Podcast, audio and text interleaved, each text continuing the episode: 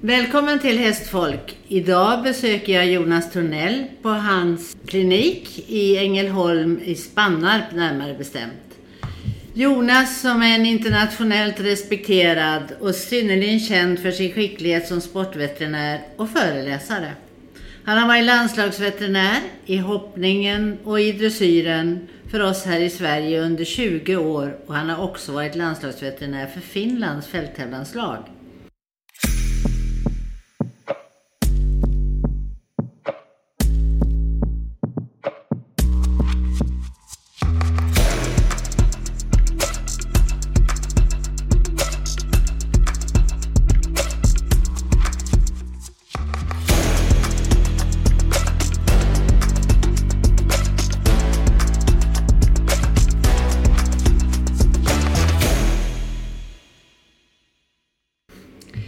Välkommen Jonas. Tack så mycket. Hur skulle du beskriva dig själv om du, ingen kände dig? Vad, vad... Om, eh, nu är man ju så gammal så nu beskriver man ju hela sin livsgärning. Men eh, man får väl försöka göra någon form av sammanfattning och det är väl kanske då att eh, jag har ju alltid varit en väldigt sport och djurintresserad människa. Och så kan vi säga det, sport och djurintresserad och eh, har väl alltid varit ganska eller mycket nyfiken och vill lära mig mer på gott och ont. Man eh, måste ju samla sina erfarenheter också. Och där är även nu. Nu är det väl mycket mer erfarenheter även om man hela tiden vill försöka hinna med det nya. Mm. Men man kan inte bara jaga bollen, man måste ju ta emot den också. Hur började det egentligen? Hur, hur kommer det sig att du är intresserad? Ja, dels som sagt sportintresset eh, har ju då alltid funnits och då när vi bodde i Jämtland så hade min pappa en god vän som höll på med eh, travhästar, kallblod på den tiden. Så då blev jag lite nyfiken på att tävla med hästar och började cykla ut till Opegård som det hette och fick lära mig grunden ja, fodring, borstning och så vidare och tyckte hästarna var underbara ljud, djur. Och sen eh, blev det då Östersundstravet och fick ju lära mig att köra lite kallblod och även varmblod, även om det var mest kallblod på den tiden. Och sen rullade det på, hästintresset, K1 i Stockholm, hästar. Sen fick jag ett erbjudande att åka till USA, jobbade i fyra år där med travhästar. Okay. Och eh, sen var jag i valet och kvalet om jag skulle stanna och börja jobba där som andre tränare. Men då tyckte min pappa att det började gå för långt och sa han, eh, veterinär finns ju också. Så han fyllde i mina ansökningspapper till veterinärhögskolan. Och eh, då behövde jag komplettera några ämnen men jag åkte hem och gjorde det. Sen började jag på veterinärhögskolan 78. Och det har du inte ångrat väl? Nej, det har jag inte ångrat. Man har ju snabbt lärt sig att det är lättare att leva på att laga hästar än att tävla med dem. Även den hårda delen med sina egna hästar märker man ju det. Men sen är det fantastiskt också med de här stora djuren att man kan göra så mycket med dem utan eh, att bråka med dem så att säga. Att de ställer upp på alla undersökningar och behandlingar och så vidare. Jag har ju nu haft 100, knappt 105 000 hästbesök och har eh, knock on wood aldrig varit eh, skadad annat än eh, man har sträckt sig eller småsaker. Man har naturligtvis fått någon liten törn men inget allvarligare än så. Så jag tror att ett genuint hästintresse är nog extremt viktigt för att eh, på något sätt så får väl hästarna ett förtroende som man själv också har lättare att lösa fallen om man har en avslappnad eh, patient. Du, jag vet ju att du kommer ihåg alla hästar. Och ja. du kommer ihåg hur de kändes i fingrarna. Det är rätt ja, otroligt. Jag kommer väl inte ihåg alla, men när man får någon ledtråd så är det ju ofta, det kan ju vara ganska kul ibland. Det kan ju vara någon människa som har kanske en eller två hästar och så säger jag, men var det inte vänster fram som den var knackig i? Det var inte det där ligamentet? Nej, jag tror det är höger, säger de. Mm. Så tittar man på bilderna, men då är det väldigt ofta och det är väl någon sjuklig del av hjärnan som är överaktiv där, så att det sitter där. Det, och det är klart att det är inte alla hästar, men eh, när man har ett intressantare fall och så, så blir det något min, minne mellan Mm. fingrar och eh, huvud. Man känner, kommer ihåg hur det kändes och hur den rörde sig och, och så vidare.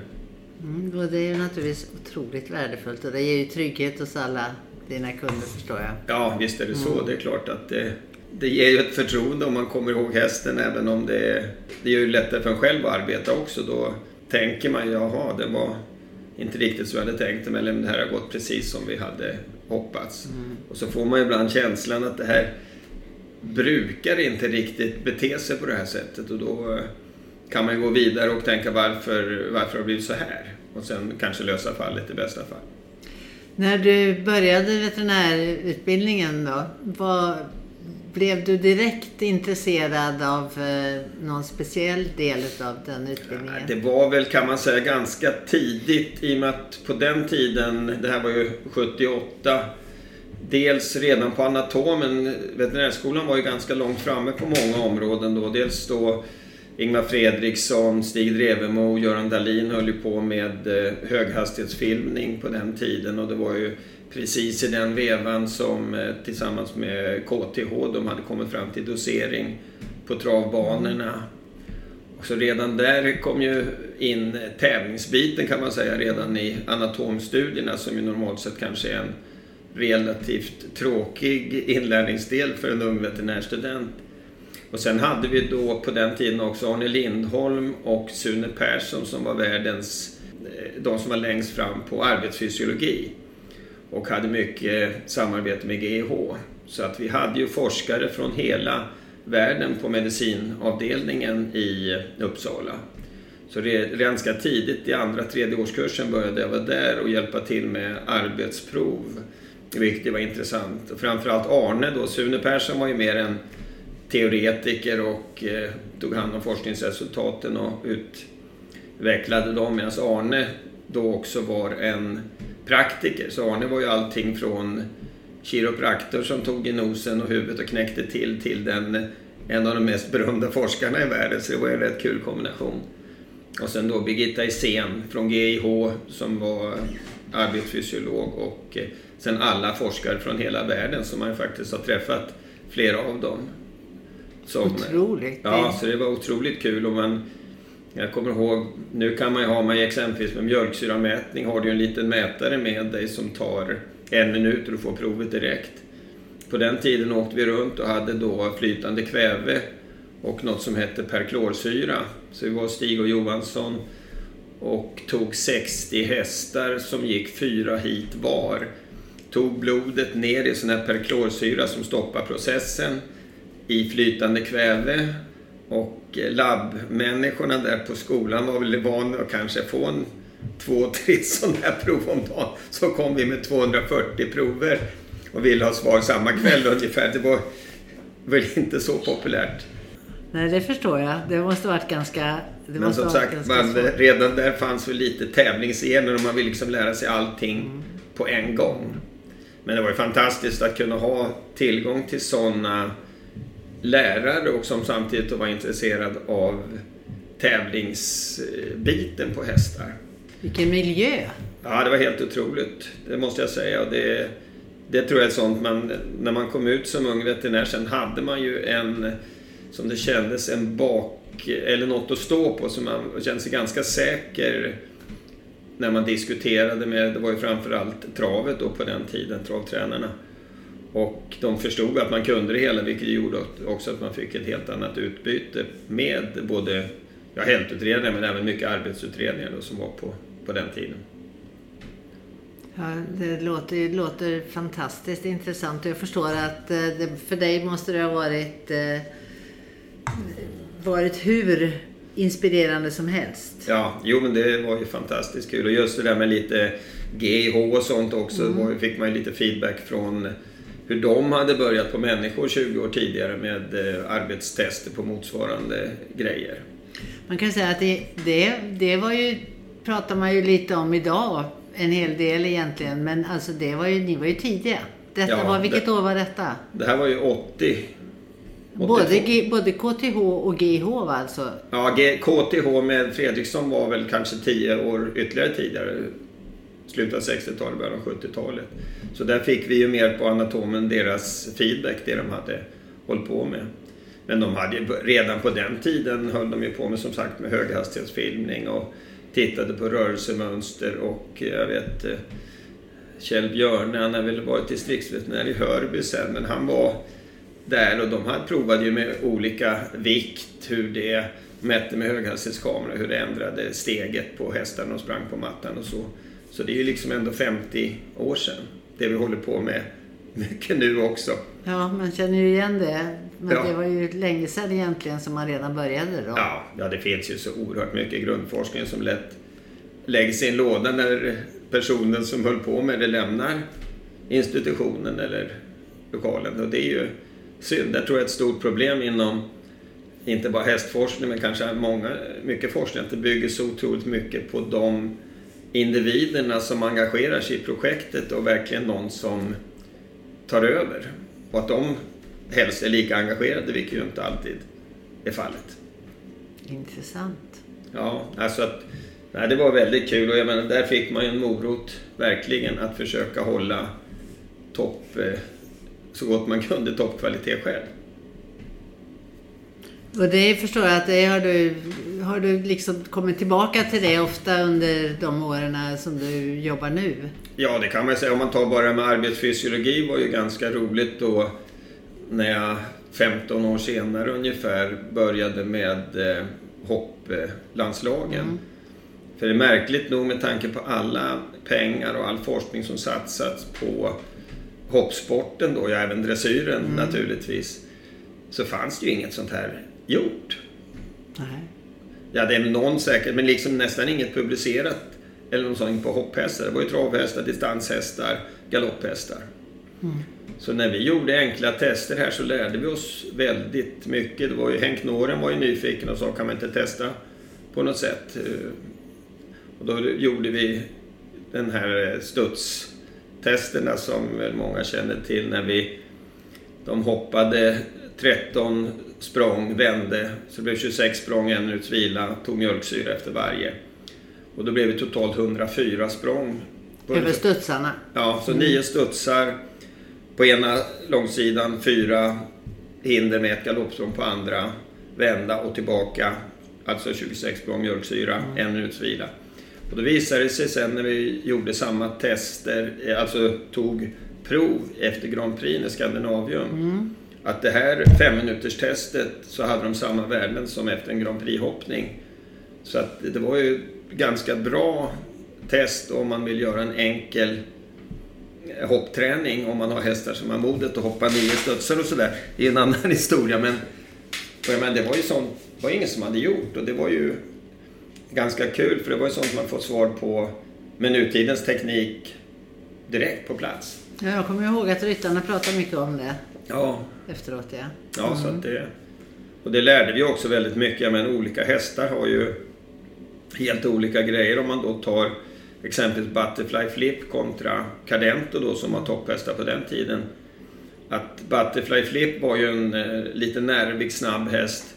Och hon låg ju då på mjölksyravärden som kanske motsvarar en travhäst i 95 procent säger vi. Inte riktigt som ett, efter ett lopp men efter ett bra snabbjobb. Medan Cardento då låg på värdet som en maratonlöpare. Han hade ingen mjölksyra, vilket då in, kan tyckas vara bra. Men samtidigt, de snabba fibrerna använder ju mjölksyra. Så vi upptäckte ju med Cardento att han behövde ju gå ett par snabba, snabba ruscher för att komma upp i lite mjölksyra så hans snabba fibrer var med. För annars kunde han gå en fin lugn runda med två nedslag och överhuvudtaget inte aktiverat sina snabba fibrer. Det är väldigt intressant. Ja, så det var inte bara att de var dåliga så att säga, utan det kunde Ja. vara att de var för bra också så man var tvungen att eh, Hitta balans hitta det. balans på det. det. Det låter ju... Alltså då får man ju tala om att de var långt framme redan då. Ja, Och att det var intressant. Men det var som man hade tur och fick med i bagaget Mm. från skolan och så fanns det någonstans i bakhuvudet så man kunde ta fram det sen. Även inte bara på race horses så att säga. Har du fortsatt att utveckla det där tänket ännu mera eller? Ja, jag har, det är ju det som är lite problemet när man jobbar så här, har så väldigt mycket hästar och patienter. Man vill ju ägna forskningen men det blir ju lätt att man får ta erfarenhetskontot mer. Sen tar vi ju ganska, eller eh, tog kan man säga, jag gör inte så mycket nu men eh, arbetsprov på framförallt travhästarna då i och med att det finns ju så bra eh, utrustning nu så du kan få både steglängd och puls under och efter arbete och allt sånt där. Plus mjölksyran och så vidare. Är det inte någonting som du är sugen på att utveckla vidare då? Jo, det, det är man ju, men det, samtidigt, det tar ju... Det har jag ju tyvärr lärt mig den hårda vägen att forskning är ju så oerhört tidskrävande. Mm. Så att det, det, är svårt att kombinera en som praktiker och forskning. Det, det är tråkigt för man... Det är det som behövs egentligen för att få rätt forskning.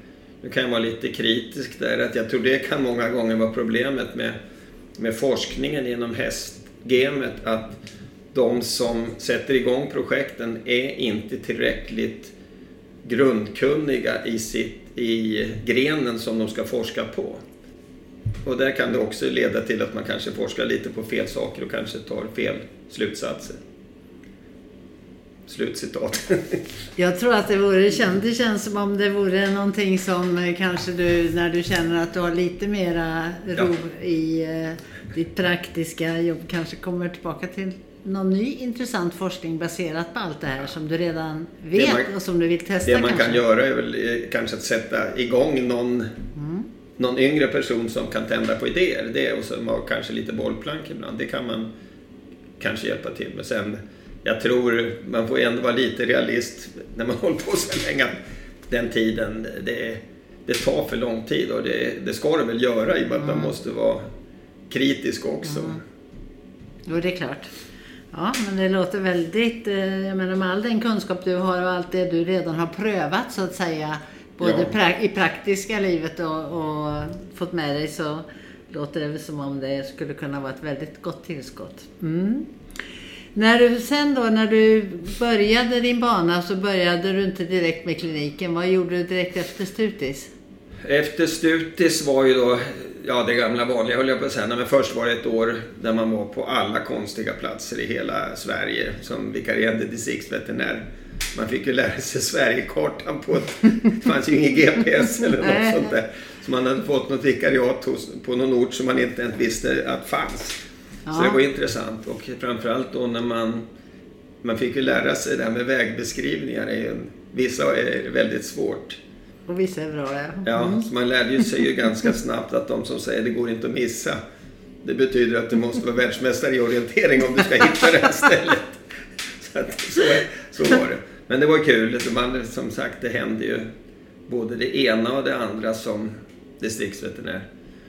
Men sen hade jag turen att få ett jobb på ett stort stuteri redan efter ett år på Brokvarnstuteri. Mm. Travstuteriet ja. Ja, travstuteri. Och på den tiden var det väldigt mycket fölningar på stuteriet så vi hade väl ungefär 100-150 fölningar per år. Och en kanske 30-40 egna ston hade stuteriet. Mm. Så det var ju verkligen hela spektra och det fanns dessutom en tränare på stuteriet så vi hade då både fölen, fölstona, avelshingstarna, tävlingsbiten, ettåringar och allting. Nej.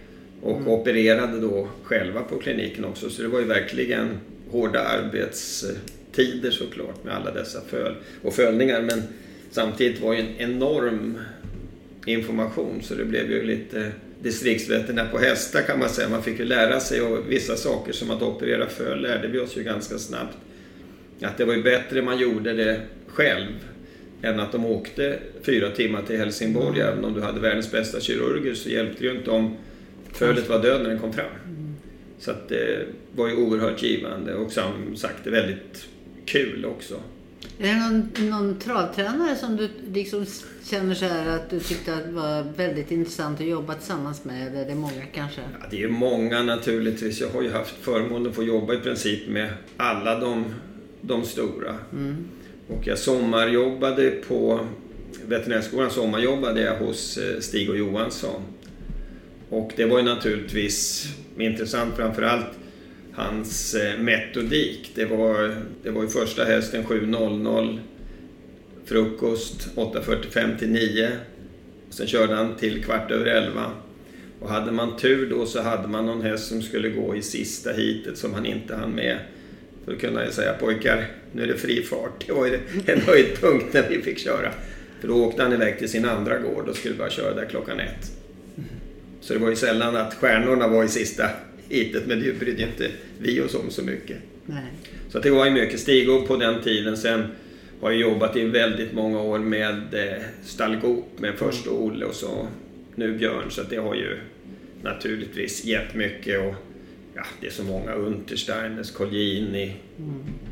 Du kör ju själv också här. Du tränar ju. Ja, vi tränar med eh, blandad framgång. Egna travhästar. Det, det är roligt. Sen det som också... Det när jag var vikarierande distriktsveterinär så blev jag utkallad till Jordanstorps säteri och skulle titta på lite kor och då kom frun i huset som jag, nu, som jag har bott tillsammans med i 40 år snart och frågade om jag möjligen kunde ta ett blodprov. Och jag lyckades ändå så pass bra så att vi håller fortfarande ihop efter alla dessa år. Hon trodde inte det skulle kunna fungera i början. Nej, det var väl förtroendet var väl sådär lagom högt. Vad härligt. Ja, och så var du distriktsveterinär under många år, eller? Nej, det var bara ett år. Bara ett år, ja. Men det var på 17 olika distrikt. Så att som sagt, Oj. man hittar lite på konstiga ställen. Behövde ingen GPS i framtiden. Nej, jag tror att på de ställena så vet inte katten om GPSen hade funkat. Nu kanske. Men efter att du då, när, när började du med din egna klinik? I den här tiden på Brokvarn under fyra år så dels var det, började det komma fler och fler eh, då ju travtränare från olika håll och kanter. Och sen eh, Amelie, min frus eh, kompisar, kom ju ner lite med dressyrhästar då från olika delar. Så då tyckte jag väl att det började bli dags. För jag körde ju väldigt mycket. Jag bodde i Skåne och jobbade i Svenljunga så det blev väldigt mycket körande fram och tillbaka där. Så då provade jag och körde igång ambulerande verksamhet 88. Och det där växte ju mer och mer så det var ju...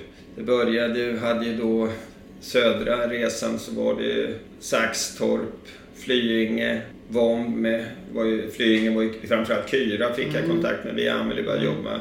Kyra, Pia Pantz var ju då en ung lovande fälttävlansryttare. Sen över till Colgjini borta i Vomb. Sen var det lite småtränare på den gården. Sen dag två så var det Jägersro. Dag tre Halmstad, Åby. Upp till Goparna i Karlstad. Och sen körde jag ibland högersvängen var upp till Stockholm och vänstersvängen var till Norge. Sen ökade det där mer och mer så till slut hade jag ju Tyskland en eller två dagar i veckan. Någon gång nere i Holland, Norge, Sverige. Så det började vara...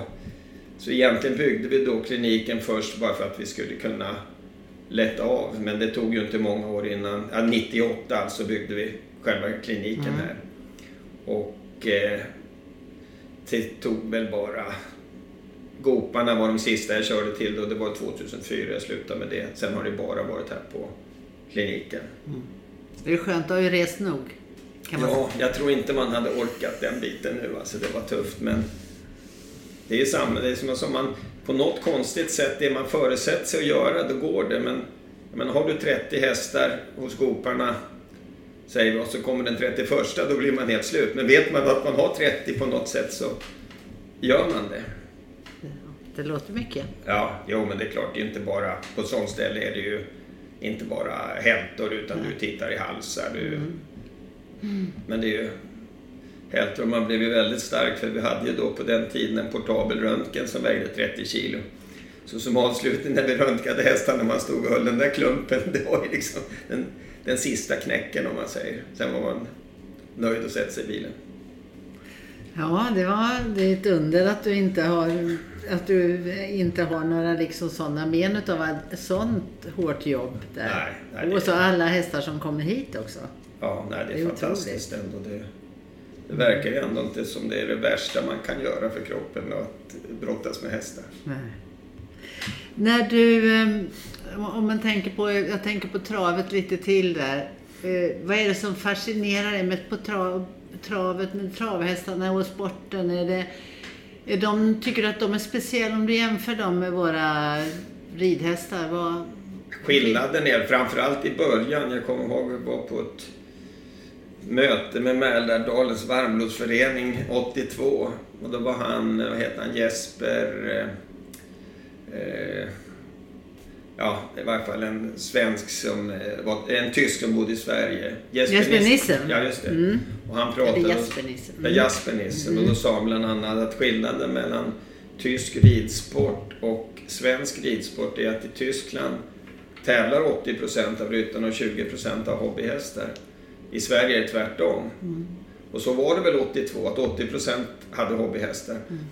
Och det är väl det som var den stora skillnaden från början. Nu är att de flesta har varit, då sa man ju ridhästar och då, då var det ju ofta folk som bara red sina hästar. De hade ju ingen ambition annat än att ha sina hästar och mm. trevligt.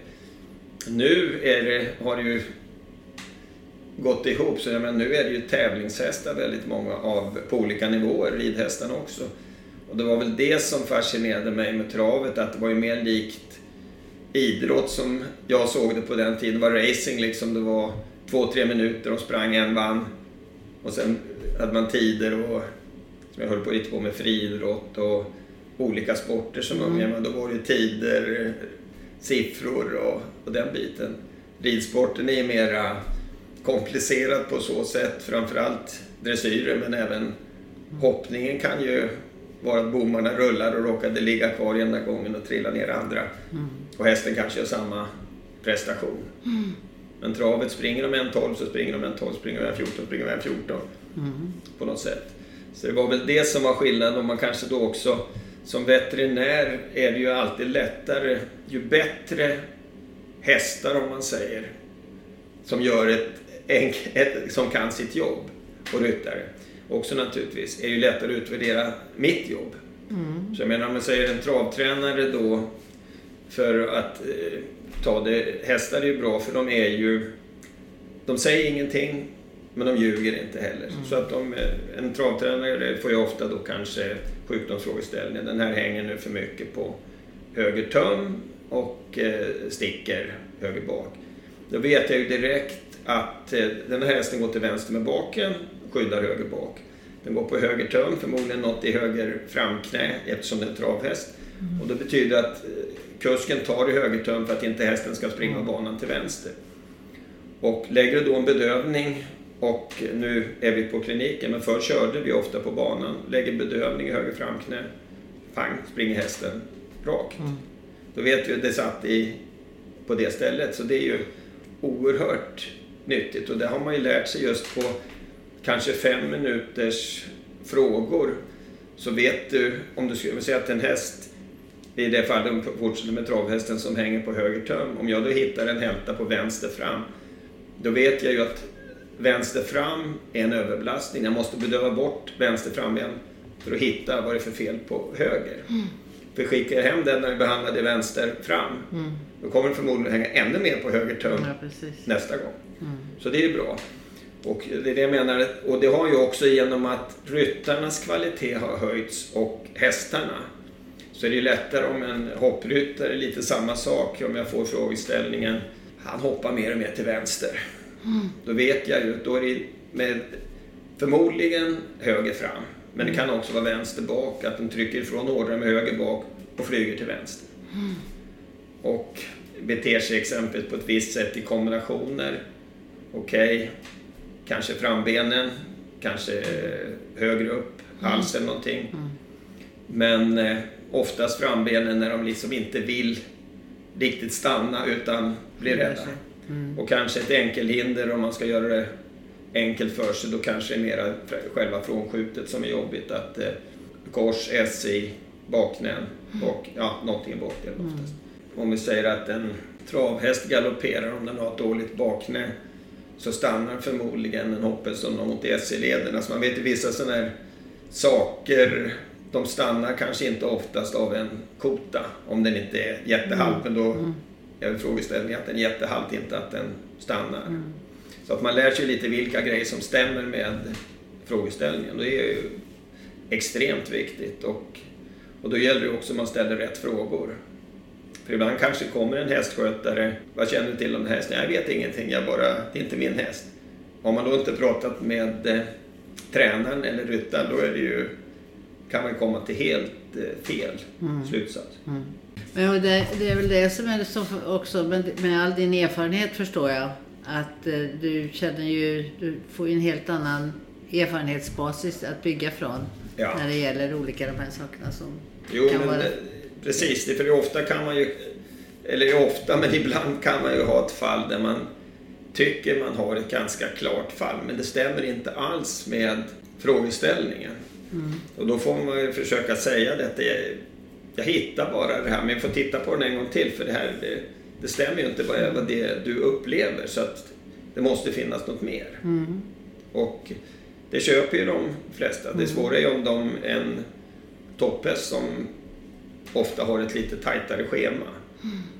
För då förväntar sig ju alla att de ska bli bra snabbt. Mm. I och med att de ofta kollas mycket mm. eh, tätare. Mm. Vilket ju är bra också för då, jag menar när man hade landslagen och nu det är vissa som är samma fortfarande men då såg man dem i princip efter varje tävling av lite större dignitet. Och då visste man att kanske en häst alltid var lite knackig på hårdvolt. Som du kommer ihåg när du var förbundskapten. Mm. Vi hade en av våra stjärnor som jag visste att den i princip inte kunde springa på asfalten och du hade aldrig sett honom. Mm. Och så kom du in och tittade när vi undersökte honom. Han linkade runt där och sa men det ser ju riktigt bra ut. Och du fick nästan ett chocktillstånd för det var väl ett mästerskap tre veckor senare. Men jag menar det visar ju, du hade inte sett honom på asfalt, jag visste hur han var. Mm. Sen tog vi ut honom på en hård gård där han hade fäste, då var han helt, då svävade han fram. Så att jag menar det, det är ju också otroligt mm. värdefullt. Ja, visst, absolut. Och det, det är som det du säger just, det händer ju många gånger att man står och, och inte förstår orsak och varför det blir så. Ja. Mm. Och i det här fallet var han väl rädd för att, han var rädd på allt sånt underlag ja. som var lite... Inte, Men vad som hade en våra landslagsryttare i dressyr som kan vara rätt envis, för att ta ett exempel, på att ibland kan det vara diskussion med ryttarna också. Hon var övertygad om att eh, hästen hade ont i sina bogar. Och den hade väldigt fula hovleder den här hästen och mm. var allting som tydde på att den hade ont i sina hovar mm. hovleder. Men hon gav inte med sig. Så vi bedövade bort hovarna och hon red och då var den plötsligt perfekt. Och då sa hon en väldigt klok grej som jag mm. har använt väldigt mycket. Att om man har punka på båda däcken, då känns det ju ratten. Men det är sällan ratten som man kan åtgärda. Mm. Utan får pumpa däcken mm. först. Och det, det tycker jag är en sån där enkel och bra sak som mm. man kan ta med sig. Mm. Där du, ehm, jag tänker också på att eh, när du ser hur det är idag Mm. I jämförelse med hur det var förr med när du får många hästar som kommer in till kliniken och du ser hur folk hanterar hästarna. Jag tycker att det är en väldigt stor skillnad på hur man, dels hur man hanterar sina hästar och, och kunskapsmässigt så att säga och dels också eftersom det är så olika typer. Aveln har ju förändrat hästarnas ja. temperament ganska mycket och till viss del exteriören också. Jo, där har ju varit extremt. Framförallt på, ja även travarna har ju, även om har skilt, haft två helt skilda mm. avelssätt kan man säga. Travarna mm. har egentligen enbart avlats på prestationer. Mm. Men det har ju också det lett till att ha fått en korrektare häst och eh, även mentalt bättre. Mm. Och eh, för man ser ju de där hingstarna inom travet som har gjort prestationer men har varit knäppa eller eh, dåliga ben och lyckas ändå. De lämnar ju dåliga ben till sina avkommor och dåliga huvuden men oftast inte lika bra kapacitet som pappan. Och eh, ridsporten har ju varit båda hållen. Först kan man säga när jag började med ridhästar om man säger då uppe på Brokvarn i mitten av 80-talet. Ja, men kom det in vissa ridhästar då insåg jag att det är helt omöjligt att lägga en bedövning om man ska överleva. För den var ju skräckslagen när den kom för mm. första gången i sitt liv till en klinik, skulle man då sätta en nål i benet, då, var det, då ville den bara fly. Eh, men de hästarna finns ju nästan inte längre. Däremot sen så blev det ju då den här övergången framförallt på dressyren då att det skulle vara så mycket nerv i hästarna. Mm. Så då fick man ju hästar som plötsligt var helt galna med eh, vanlig hantering men de funkade i sitt jobb. Och sen har väl de blivit lite omoderna så nu är det ju, om man nu fortsätter med dressyrhästarna, är det ju ofta hästar med nerv men ändå ganska kloka hästar. De är balanserade ändå. Ja, för det är klart folk orkar ju inte fastna i dörrar och liksom eh, vad som är en avelshingst som vi inte ska nämna vid namn, men vi sa det ju mer man har ju mer kunder som har eh, brutit någonting än som har tävlat. Då kanske man är på fel avelsspår. Ja, det låter verkligen på det som det var så.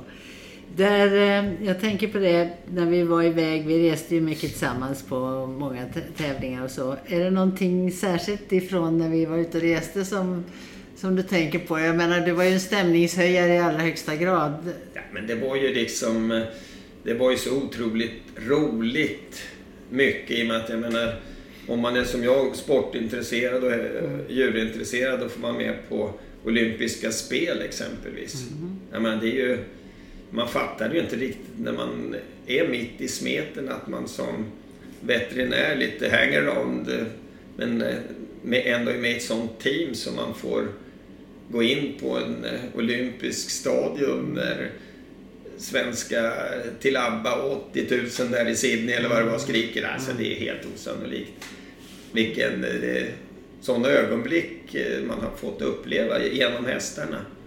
Och jag menar som du säger, jag kan inte bara ta fram något specifikt men jag menar när man liksom den eh, engagemanget man har så man eh, Även om man inte kan rida så rider man ju med så att säga varje ekipage och sen den eh, delen när ryttarna är glad, glada är ju fantastisk. Ja, hela teamet rättare sagt är glada. Sen är det ju jobbiga biten när man som du säger, man måste vara stämningshöjare när alla är deppiga. Men det var väl den största fördelen med att eh, man höll på så länge att man inte bara kände hästarna men något sånär kände ryttarna ungefär hur man skulle ta dem när det hade gått dåligt. Vilken historia de skulle få sig till livs just då. Ja, hur man skulle lägga sig på för nivå. Lite så. Lite så. Du var ju en mästare på att det är väl ingen som glömmer dina historier. De är ju underbara också. Eh, jag tänker på nu då. Nej, men jag har ju lugnat ner lite grann och Jag har ju, nu har jag ju kanske egentligen på sitt sätt en, eh, en drömtillvaro för det stadium av karriären. Jag har ju bara de kunder jag vill ha. Vilket ju är väldigt skönt för jag menar det är ju så. Jag tror ju äldre man blir ju mer vill man umgås med sådana man tycker om. Och eh, jag menar i början av sin karriär då är man kanske mer att man vill eh, ha så många duktiga ryttare eller tränare som möjligt och liksom man säger ja till allt och vi tycker det är toppen när någon ringer. Men sen någonstans på mitten börjar man väl eh, inse att eh, det, vissa är energitjuvar och vissa eh, ger energi. Och kan man hålla på med de som ger energi så både jobbar man bättre och mår bättre efter arbetsdagens slut. Och det, lite där tycker jag väl att jag är nu. Och samtidigt så är det ju fantastisk tid. Jag menar om man tänker bara med om man säger en sån sak som ultraljud, en sån grej som alla, även distriktsveterinärer i princip har i sin bil nu. Kom ihåg, jag hittade en gammal katalog från BEVA, den största engelska kongressen. Och då fanns det en ultraljudsapparat som visades på utställningen och alla tyckte det var väl kanske sådär, vem ska ha, vad ska man med det till? Så att jag menar, det, utvecklingen är fantastisk. Men när man gör CT, man gör MR, man ska integrafera hästar, gör i princip, trots att det är så stora djur, samma grejer som du gör med människor. Fast du får snabbare tider. En för människor, än för människor. Sen är det klart att det har man väl lärt sig också att det är svåra ibland, ibland nu för tiden. Förr kanske det var att man skulle, det svåra att man skulle göra någonting med hästägarna. De sa men ska ni inte vila? Måste vi ta en röntgenbild? Är det inte onödigt? Nu är det nästan tvärtom. Nu ska man helst eh, göra MRI och CT innan man nästan har eh, st- ställt en diagnos var hältan sitter. Så att man kanske har gått... Ibland går det över att man mer tror på tekniken än på grundundersökningen. Och när du tar upp det så, så är det väl intressant också att tänka på att den här beprövade erfarenheten man får genom alla dina år som du har hållit på och så Ja. många hästar som du har sett. Ja. Så är det klart att eh, det är väl inte många som får det. Men samtidigt är det lite viktigt tycker jag att det man berättar den historien också för de som inte var med då. Ja. Och att förstå hur det har gått framåt men också hur mycket jobb det var innan. Alltså hur många hästar som... Jo, men det är väl det som man måste ha som, eh, tänka som ung veterinär. Det gäller, eller som ryttare många gånger, eller som tränare. Man måste se så mycket som möjligt. För att eh, det är klart det är roligare att jobba med bra hästar, i och med som jag sa, man får bättre feedback. Men man måste ta, igen sig, ta igenom alla svåra, dåliga fall som man kanske inte lyckas med också. För man, det är de som man har misslyckats med, de glömmer man ju aldrig. Nej. Då undrar man ju, kan man tänka 30 år senare, varför, varför blev inte den där bra? Och den andra som var likadan? Men det är som utbildare och ryttare eller tränare också. Att man tänker, tänk om jag hade vetat idag. Det, Mm. Eller vetat då vad jag vet idag. Ja, Den hästen fick kanske inte den chansen den skulle haft. nej, nej visst. Och vi kan ju vara åt båda håll. Vissa kanske har sagt, eh, vi kanske inte ska hålla på längre Nej. tidigare. Nej, precis. Men samtidigt, då lär man sig ju ingenting heller. Nej, det är sant. Det är Det är ju- väldigt sant. Men, eh, men jag menar, det finns ju mycket. Det som jag tycker är jobbigast nu som jag har slutat med är ju besiktningar. För det kanske har gått eh, för långt på sitt sätt. Man förstår ju att som köpare vill man ju naturligtvis veta allt man kan veta. Men samtidigt vid ett tillfälle, det är ju ändå bara min personliga, alltså veterinärbesiktningen, min personliga bedömning ändå. Även röntgenbilder och allting, det är någon som ska bedöma dem. Och sen är det ju ändå träningen och eh, Helheten. helheten, vad händer efter den åker härifrån, som är det viktiga. Jag kan berätta en rolig besiktningshistoria, den har väl många hört som jag har varit här. Men eh, jag, eller två roliga i samma land. En så flög jag över och skulle besiktiga tre hästar i USA. Tränaren till de här hästarna och, och tillika ägaren, han var känd för att han hade ett väldigt dåligt temperament. De gick emot honom. Och så kom första hästen ut och den var väl ungefär två grader halvt rätt ut när vi sprang upp med den. Så jag sa, han hette Carl Allen den här killen, så jag sa Carl, I think he looks a little bit stiff this morning. Så Carl Allen tittade på hästskötaren och sa Trotting one more time. Och han linkade ju på så tittade han lugnt mig stint in i ögonen och sa Doc, to me he looks super. Det är då man vet att det här kommer att bli en rolig dag.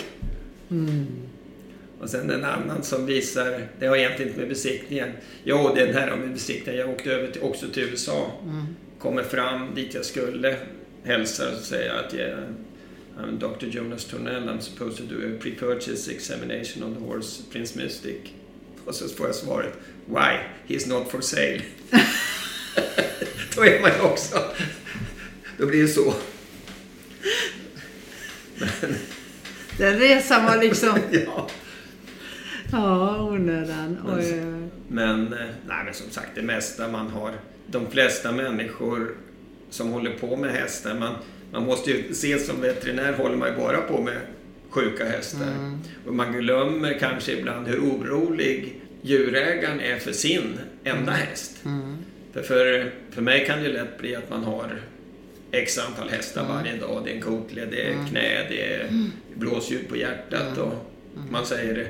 Så man försöker, även om det naturligtvis inte går, ha en viss inlevelse så att eh, djurägaren inte upplever att man bara tar det som eh, nummer fyra.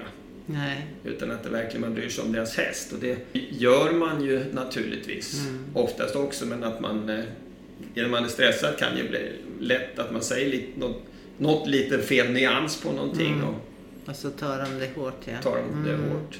Men, men eh, hästar som du har träffat på, är det någon häst som har satt sig speciellt i hjärtat en, oavsett disciplin? Är det någon sån där häst som du känner...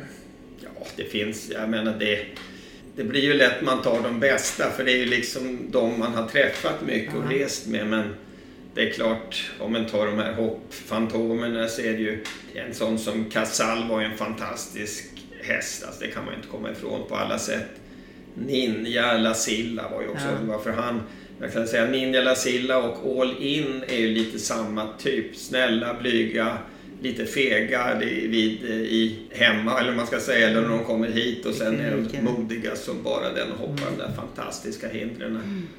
Otroligt. Ja, Indiana, Flippan, sådana där är ju helt eh, make. De är ju sådana storheter li- som kan vara ofta en fullständigt... Det är skönare när topphästar är snälla hästar också, vilket ju inte alltid är fallet, men förvånansvärt många. Det är lite fel det där att topphästar måste vara bitches. Ja. Eller, men sen finns det ju några. Vi hade en som hette Conny Nobel, en travhäst som Björn Goop ägde själv tillsammans med Veijo Heiskanen, en travtränare som vann allt. Han vann kriteriet, derbyt, eh, Elitloppet. Men honom fick vi söva när vi behandlade bak. För det, han var helt livsfarlig att spruta. Och det är ju inte så behagligt när det är en sån topphäst. Man vet det. Dels för sig själv, dels att man vill ju inte att de ska lämna kliniken med en kanyl kvar i benet Nej, usch det. och sånt där. Så, men sen, ja, Victor Itilli var ju en fantastisk Det är ju en legend. Han var ju en legend. Eller, ja. Och han var ju också sån, eh, man kan berätta bara för att det är en sedelärande historia om hur hästar kan reagera på resor. Stig och Johansson bad jag skulle köra ett snabbjobb på Halmstadtravet med honom bara så att innan han gick hem. Han hade varit här över vintern och min fru hade tränat longering och så med honom. Så jag åkte upp till banan, jag hade ringt, de hade stängt banan så bara Victor Tilly skulle vara på banan. Vi hade satt på bomull i öronen, dubbla huvor så att det inte skulle skena. För Stig och sa han kan vara lite het. Vilket innebar att han gick knappt fram på banan, men det var en annan historia. Vi lyckades träna honom, köra av banan, han hade vilopuls. Kommer hem, sover i två dagar. Så jag pratade med Stig om det där och så sa han, ja det är, det är inte så konstigt för varje gång vi har kört alla snabbjobb hemma på gården och varje gång han har åkt iväg någonstans så har det varit stora lopp. Och det där tror jag man många gånger glömmer med hästar. Man tänker, ah, ska bara rida en 1,40. Men jag menar för all in, han vet ju inte att han ska åka och tävla 1,40. Utan han laddar ju säkert lika mycket för det. Och just många av de här topphästarna är så otroligt bra för de är sådana tävlingsindivider. Så det är klart, bara en sån här enkel tävling kan säkert ta mycket hårdare på kroppen än man tror. Och man kan ju bara tänka sig med unga hästar, som Hästar ja. kanske är jätteoroliga bara de åkt runt eh, hörnet. Mm, och det, det är väl kanske någonting som är väldigt viktigt att man sätter fokus på det här med hästar så att de ändå Ja. blir oroliga eller laddar för, för att de inte vet riktigt allting vad som händer. Det är Nej. väl viktigt just, tänker jag på, med unghästar då som miljöträning och allting sånt. Men sen är man ju förvånad hur fantastiska många av de här bästa, framförallt Ja. inom ridsporten, för de tävlar ju mycket mer. Att de liksom tål alla dessa resor och de kommer hit. Man kan ju, det är ju ingen hemlighet i journalerna, men om man tar en sån som All In och Indiana, när de, när de kom, in, kom hem från Tokyo, då kom de direkt och båda hade gått upp 10 kilo i vikt från de åkte. Ja, det, Då kan man säga, då är det bra då är det bra. Då, ja, det är fantastiskt. Det Det är, är ja, det är rätt otroligt. Om du inte hade gjort det här, Blivit veterinär? ja, vad hade du gjort då? Ja, det, jag kan tänka mig att jag hade förmodligen varit kvar några år och tränat hästar i USA. Och sen hade jag nog åkt hem tror jag. Jag tror inte jag hade blivit kvar där. Och ja, vad hade man hittat på det? Min käre far hade väl styrt in mig på någon akademisk bana kan jag tänka mig. Det hade han, ja. Ja, det är svårt att säga vad men Jag tänker, du- jag vet ju att du är väldigt bra på tennis. Ja, eller var i varje fall en gång i tiden. Jag hade, nej, jag hade inte blivit tennisproffs, men det var kul. Jag spelade mycket tennis. Nej, idrott hade man ju naturligtvis hållit på med, för det har jag ju hållit på med så länge kroppen håller. Jag menar skidåkning nu på eh, sista tiden och löpning dock har jag helt lagt ner för det. Det sliter. Ja.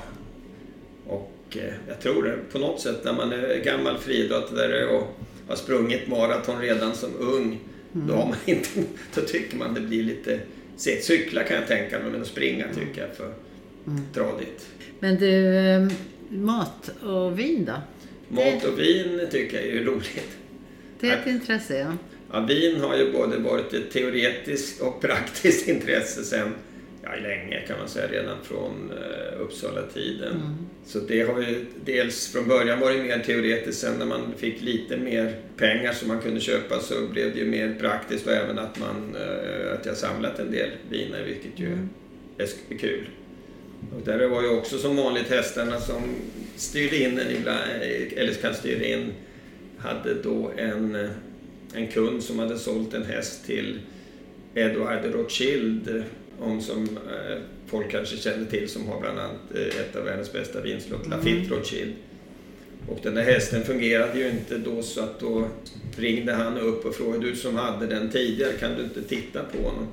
Så hästen var här en sommar, vi grejade och fixade och sen så kom jag in och så fick jag då vin av honom till ett väldigt förmånligt pris som mm. kan man säga grundlade mm. lite av, mm. eller mycket av den bättre delen av vinkällan. Mm. Så men det är som vanligt hästarna som man träffar. Det låter nästan religiöst men inför hästarna är alla lika på något sätt. Alla, alla vill så mycket men då kan det vara den största affärsmannen och en hemlös som de har en häst mm. tillsammans står och diskuterar. Jag kommer mm. så väl ihåg en historia när det var en kille som var överläkare på Karolinska mm. som hade häst i träning. Och hästskötare var en kille som eh, jag kände från Östersund, var en sån som gick ut ungefär åttonde klass, han var mm. sån här ADHD. Det hade man väl sagt nu. Mm. Jag kunde knappt läsa och skriva och så var det en sån här scen ur, eh, kan man säga, ur hästvärlden. Mm. När den här killen som knappt har gått ut skolan, det var precis när tuppkammen, hyaluronsyra, hade kommit mm. på 80-talet. Stod och berättade för överläkaren hur hyaluronsyra fungerade i leden. Och överläkaren stod och nickade mycket intresserad. Men det är så typiskt hästeriet på något ja, sätt. Ja, hästvärlden är verkligen, alla möts. Ja. Alla möts. Mm, härligt. Det är jättehärligt. Ja, som avslutning, vad skulle du vilja skicka med för framtiden? Vad tycker du att alla ska tänka på som är lite yngre, som vill göra... Jag menar, idag, vi lever ju i en tid när hästvälfärd är, är ja. eh, väldigt mycket fokus på, tack och lov. Och därför så, så är det ju viktigt att man försöker förstå så mycket som möjligt. Så att man verkligen inte utsätter djuren för saker som som ja. inte... Men det är väl just det som säger att titta på dina hästar. Lär dig dina hästar. Jag menar, mm. du, du behöver inte ha en, ett papper där du har en sjugradig skala på painface. Jag menar, lär du känna dina hästar ser du när du går in i stallet. Det ser inte riktigt bra ut idag. Varför har han lämnat lite mat? Lite svullen i vänster bak. Lär du dig det och har du svårt att komma ihåg kan du göra någon anteckning för att jag menar ofta det kan ju vara åt båda hållen att om du är ignorant så att säga underreagerar du och eh, är du för nervös och kanske överreagerar på en häst som hästen är helt normal. Så men, det är väl den viktigaste grunden. Lär dig så mycket du kan om hästar och lär dig framförallt så mycket du kan om dina egna hästar. Vad som är normalt. Okej okay, Jonas, vad, vad, jag undrar vad du tänker om det här med sporten och sportens utveckling. Vad, vad, hur den är för hästarna och för hästarnas hållbarhet och påfrestningar. Man kan väl säga, om man tar, det är väl generellt för alla grenar kan man säga och det jag håller på med trav och eh, hoppning och i viss mån dressyr också. Att hästarna har ju blivit mer specialiserade så att de är ju väldigt mycket tidigare talanger, vilket ju ställer helt andra krav än, än det gjorde förr i tiden kanske när du hade dåliga talanger i alla grenar. Då var det ju svårare att träna sönder dem för då behövde du det gick, tog ju sin tid innan en travhäst kunde trava fort, innan en hoppet kunde hoppa högt och innan en dressyrhäst kunde dressyra. Mm. Men, men nu har du ju travhästarna springer ju, tvååringarna springer ju snabbare nu än Elitloppet gick för 30-40 år sedan. Oj. Och eh, det är klart att då är det ju lätt, eh, det säger sig självt, det är samma ben. Så att hur eh, talangfulla de än är så är det ju väldigt lätt. Har det väl brakat så är det ju svårt. Så att det mm. ställer ju krav på tränaren att verkligen känna efter mer på tidiga varningssignaler för att hästar är ju bussiga, de ställer ju upp och ju mer talang de har ju lättare går det. Mm. Så det är väl det som är den, den stora miljondollarfrågan så att säga. Hur ska man utnyttja de här talangerna som ju egentligen bör hålla längre i och med att de har lättare för sitt jobb än de som inte kunde det. Och det är ju vissa som klarar av, för det är vissa hästar som tävlar lika länge medan andra då är slut kanske mentalt och eh, då på grund av att de kanske har fått ont tidigt. Och där har vi väl samma inom eh, de andra grenarna att eh, talangerna är ju väldigt duktiga och det är klart att det är roligt att eh, hoppa en hopphäst som har anlag naturligtvis. Men det svåra är väl där också att inte titta då på att femåring ska göra det, sexåring ska göra det, sjuåring ska göra det. Utan att man kanske då, även om den kan hoppa 1,60 som sjuåring, kanske då tänker den här behöver två år till innan vi hoppar så högt. Mm. Eller tre eller whatever. Det har väl i viss mån ryttarna, tycker jag, ändå lärt sig. För jag tycker att de är ganska sunda, många av topphästarna måste jag säga. Mm. Så det, och det märker man, jag menar många, om vi tar i våra, våra landslag, om man tar extremerna som egentligen har det tuffast, men de går ju jag menar, Allan är nu all in 16 år, en sån som Indiana är väl 14. Christian K är väl 15. När Catch Me Not som Peder har är väl också 16 mm. tror jag. Casall vann sin sista tävling som 17-åring i GCT. Eller var han till och med 18? Ja, 17 eller 18 mm. år. Så jag menar, de går ändå länge de här superhästarna. Så att det är ju inte så att de måste, men det är ingen regel att de bara för att de är talangfulla måste de gå sönder tidigare. Nej, de är skickliga ryttare som kan disponera ja. den talangen också naturligtvis. Och det är klart, där har vi också ansvar som eh, veterinärer. Dels att våga behandla en häst utan att den måste starta på två veckor. Och det är ju lätt att man då, bara för att man behandlar under en tävlingssäsong behöver inte betyda att hästen behöver kortare vila än om man behandlar den på vintern exempelvis. Men det är lätt man eh, dras med för topphästarna ställer ju nästan alltid upp. Mm. Och oftast går det ju, men att man har det i, i bakhuvudet. Mm. Sen är det ju, som jag sa någon gång här i början av det här, att det är väldigt många mer inom ridsporten som är tävlingsinriktade nu än det var för X antal år sedan. Det kanske är där faran ligger mest. De som inte har erfarenheten av att matcha en häst. Ja, jo, det, det kan ju ligga mycket i det att de mm. som var nöjda med att rida hemma och med kompisar och så, de är nu ute och tävlar. Och de hästarna kanske då, de har inte erfarenheten att känna på samma sätt om hästen inte är, är bra. Utan de, ofta tar ju ryttarna med all rätt många gånger på sig väldigt mycket men ibland kanske man måste kolla att det kan vara fel på hästen också. Så att, eh, vad ska man säga för visdomsord, men man kan säga att vi har större talanger men vi måste också ta hand om dem så kan vi säkert ha hästar som håller längre än de gamla hästarna gjorde. För jag tycker ändå man ser mindre allvarliga förslitningsskador på de här hästarna vi har nu än som jag upplevde i början av när jag var veterinär. Och det kan ju bero på att det var hästar som inte var avlade egentligen för hoppa högt men ändå lyckades göra det. Inte var så atletiska kanske som de är idag. Mm. Exakt. Mm. För att även inom ridsporten har det ju ändå blivit mer att man avlar på prestation i en kombination med eh, den gamla tidens premieringssystem. Mm. För att man, jag tror inte att människan kan vara så clever att vi är smartare än naturen. Nej. Bra. Det var väldigt, väldigt bra avslutningsord. Ja. Vi är inte smartare än naturen. Nej, nej men så är det faktiskt många gånger. Tack Jonas för att du tog din tid. Jag ska bara avsluta med en historia som hände mig för många år sedan. Det var en häst som eh, hade varit såld och sen hade den fått en lungblödning.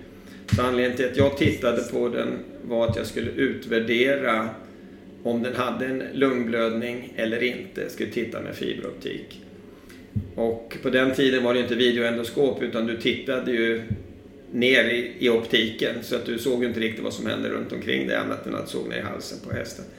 Så när jag tittar hästen i halsen så exploderar hästen. Slår mig med ett framben i huvudet och en i munnen. Trampar sönder min fiberoptik som väl var min dyraste ägodel, höll jag på att säga, på den tiden. Och när jag stapplar iväg där i den här turbulensen, blödande ur munnen och det ringer i huvudet, då kommer djurägaren fram och så säger han, han du se något? With those happy words, tack för det här. Oj, ja. Den tycker jag är så obetalbar alltså. Det kan man verkligen säga. Det är livet som veterinär. Ja, exakt. Den är så bra alltså. Den är, det är sånt man inte heller någonsin glömmer. det kan jag förstå. Åh, ja, det är nog hårt att vara veterinär. Det är ett under att du inte har skadat dig mer egentligen. precis. Att, eh, Tack snälla Jonas. Ja. Det var väldigt eh, intressant och väldigt roligt. Och väldigt, framför allt, otroligt givande och lärorikt. Tack för att ni lyssnade på Hästfolk idag och hoppas att vi ses snart igen.